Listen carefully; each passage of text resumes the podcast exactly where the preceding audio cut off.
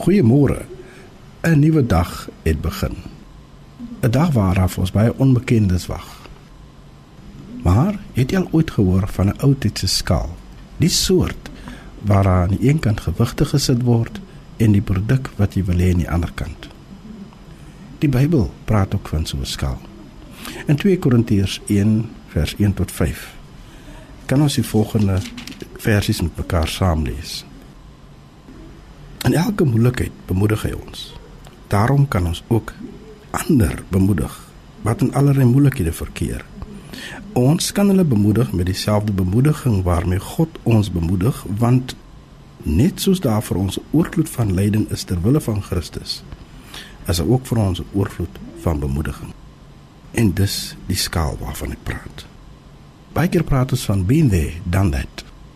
Jesus self was al daar en het daar deur gekom in die tuin van Getsemane was aan die een kant moedeloos, maar aan die ander kant het hy ook die moed gehad om te sê evil. Dis 'n skaal. Aan die een kant sy moedeloosheid, aan die ander kant was haar engel wat hom kom versterk het. En ons voel ook maar van dag tot dag so, veral in ons omstandighede. 'n Wêreld en selfs 'n land wat ons tot moedeloosheid dwing.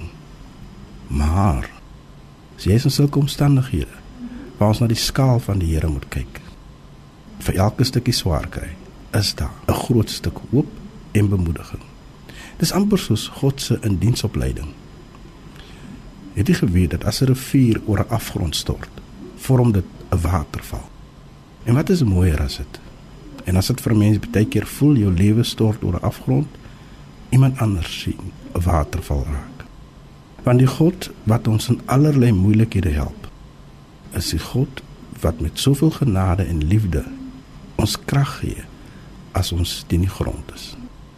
Maar as ek dieselfde God wat U sal gebruik om iemand anders iewers in die toekoms te help met dieselfde bemoediging wat U ontvang het. Klim op God se skaal. Hy sal regte gewigte aan die ander kant sit. Here, gee ons die vrymoedigheid om vrywilliglik op u skaal te klim wetende u sal die gewig aan die ander kant plaas. Amen. Geniet die dag